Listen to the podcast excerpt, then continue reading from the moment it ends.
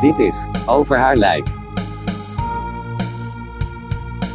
Een podcast over wat er op je pad komt als je vrouw de diagnose uitgezaaide borstkanker krijgt. Sebastiaan Paap neemt je mee op een eerlijke reis waarvan niemand weet waar en wanneer deze gaat eindigen. Dit is Over haar lijk.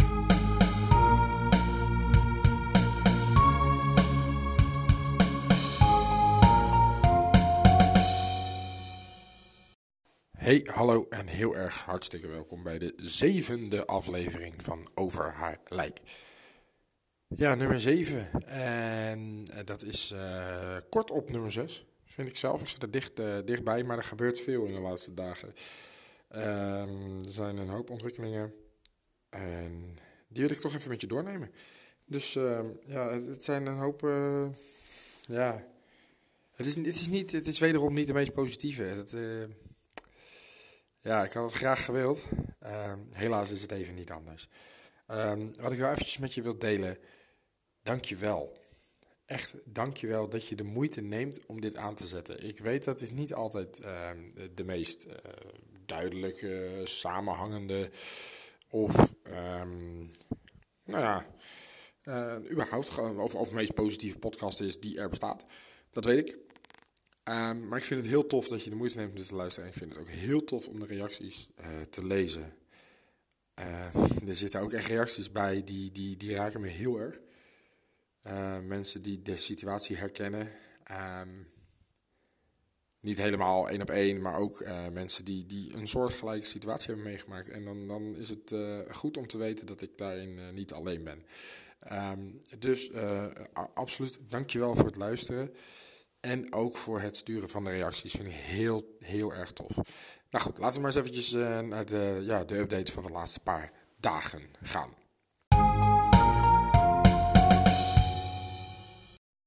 Ja, want de laatste dagen waren een beetje raar, vind ik zelf. Ehm, mijn vrouw ligt veel in bed. Maar echt, echt veel.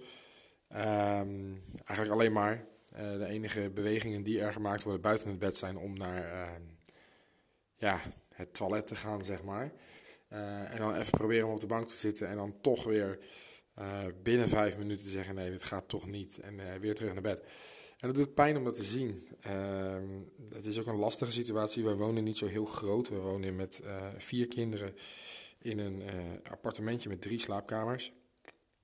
Dat betekent dat wij al geruime tijd in de woonkamer slapen. Ik heb het daar volgens mij wel eens eerder over gehad in deze podcast. Ehm, maar goed, dus zo niet, dan weet je het nu. Ehm, we slapen al geruime tijd in de woonkamer. En dat zorgt er mede voor dat er nu al, nou, laten we zeggen, anderhalve week eh, een bed in de woonkamer staat. Zoals ik in de vorige aflevering heb verteld, is, ehm, is, is er iets in haar rug geschoten wat lijkt op een kneuzing. Misschien zelfs wel een breuk. En eh, daar heeft ze gewoon heel veel pijn van. Echt heel veel last en heel veel ellende. Ehm, gisteren, en ik moet daar even aan, bij duiden, eh, op het moment dat ik dit opneem, eh, dan eh, dezelfde dag komt hij ook online. En dan hebben we het over maandag 19 april. Gisteren was het dus de 18e van april op een zondag. En toen zijn de, ehm, ja, de, de, even, geloofsvriendjes van mijn vrouw, die zijn bij ons langsgekomen. Ehm, maar wel met de mededeling dat ze eh, eh, hevig wilden gaan bidden en op zoek naar openbaringen en, en genezing.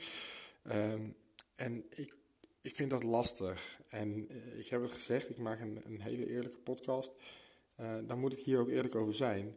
Ik vind dat moeilijk. Ik vind het lastig om, om daarin mee te gaan. Ehm, maar dat, dat gevoel, dat, dat, ja, volgens mij, ik, ik heb het gevoel dat zij dat zien en weten. Ehm, daarom hebben ze min of meer mij mijn huis uitgejaagd. Zeg ik nu. Eh, en gingen ze er maar even vanuit dat ik met de kinderen wel eh, eh, kon gaan spelen bij een, een natuurspeeltuin bij ons, nou, relatief in de buurt. Ehm, dat heb ik ook gedaan. En ik zag daar heel erg tegenop, want met vier kinderen, hallo, koekoek in mijn eentje, naar een natuurspeeltuin waar water is en zand en ellende. En weet je, ik zag daar best wel tegenop. En op het moment zelf ehm, vond ik het heerlijk. Vond ik het fantastisch. Ehm, maar toch spookte de hele tijd een, gedachte door mijn hoofd, namelijk hoe gaat het thuis? Ehm, En toen ik terugkwam, toen was het ook een, uh, een moeilijke situatie. Want ehm, ze hadden openbaringen gehad.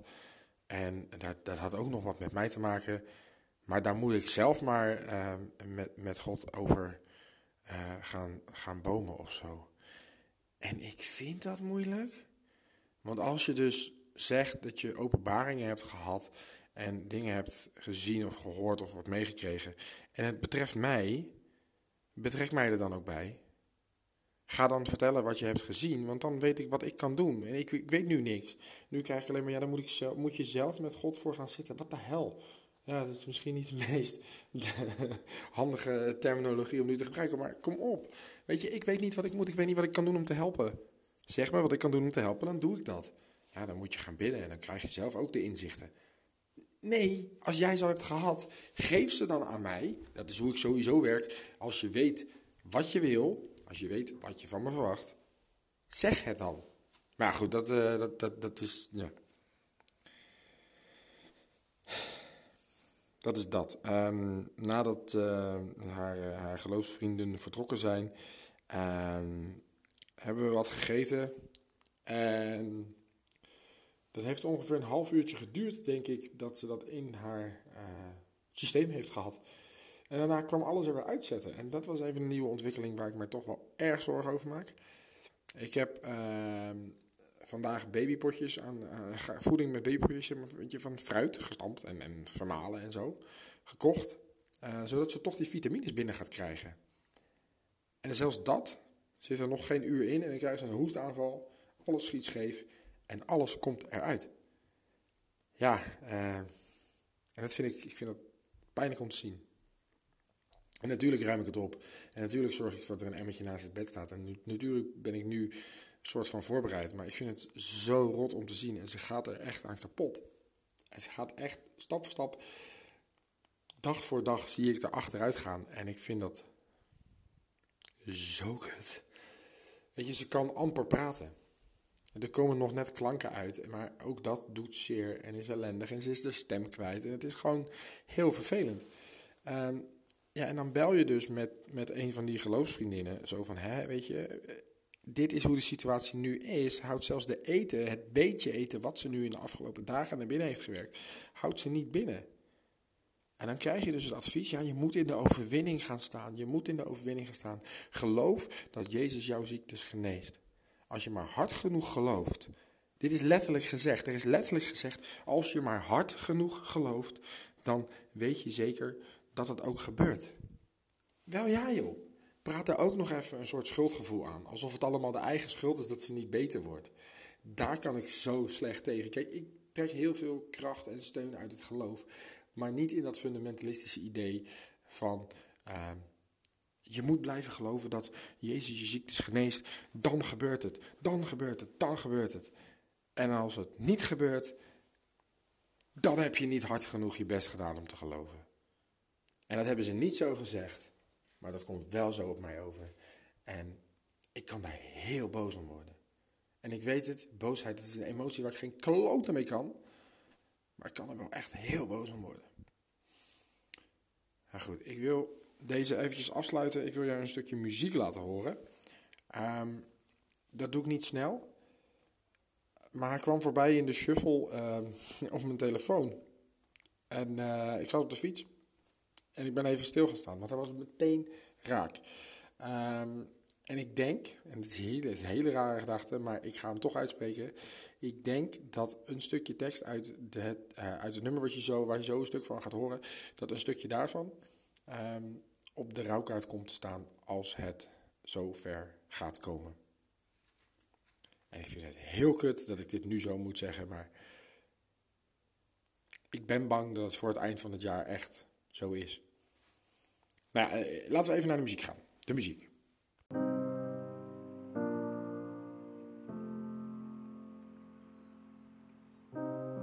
Is there sunshine where you are? way there was when you were here. Cause I'm just sitting in the dark in disbelief that this is real. In disbelief that this is real. Have I been lost? Was there something I could say or something I should not have done? Was I lost all along? Was I looking for an answer when there never really was one? Was I looking for an answer when there never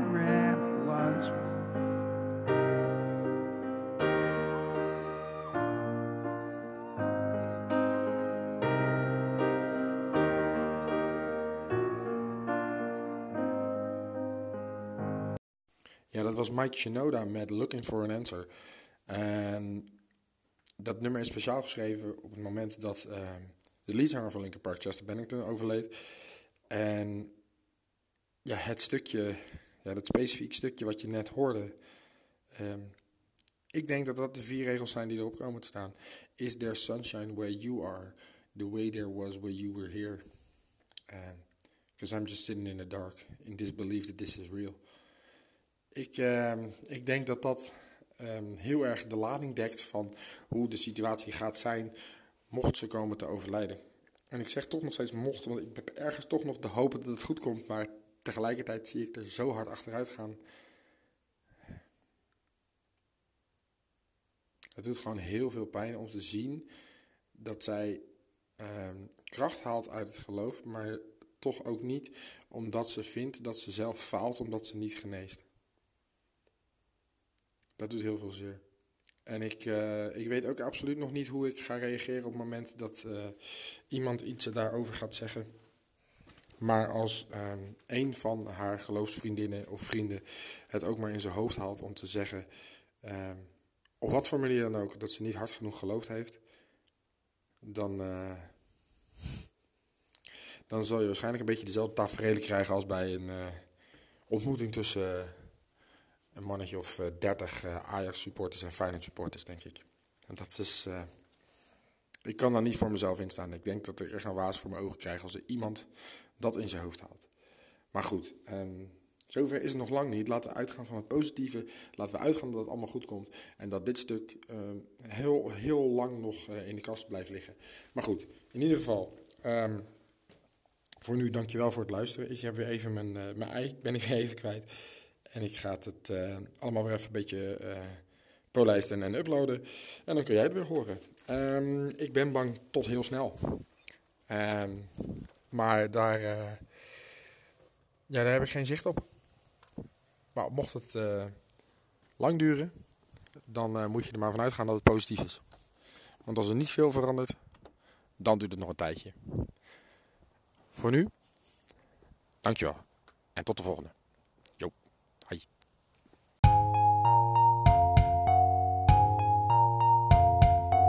Bedankt voor het luisteren naar Over haar lijk. Vergeet niet te abonneren en volg Sebas van de Radio op Instagram en Twitter.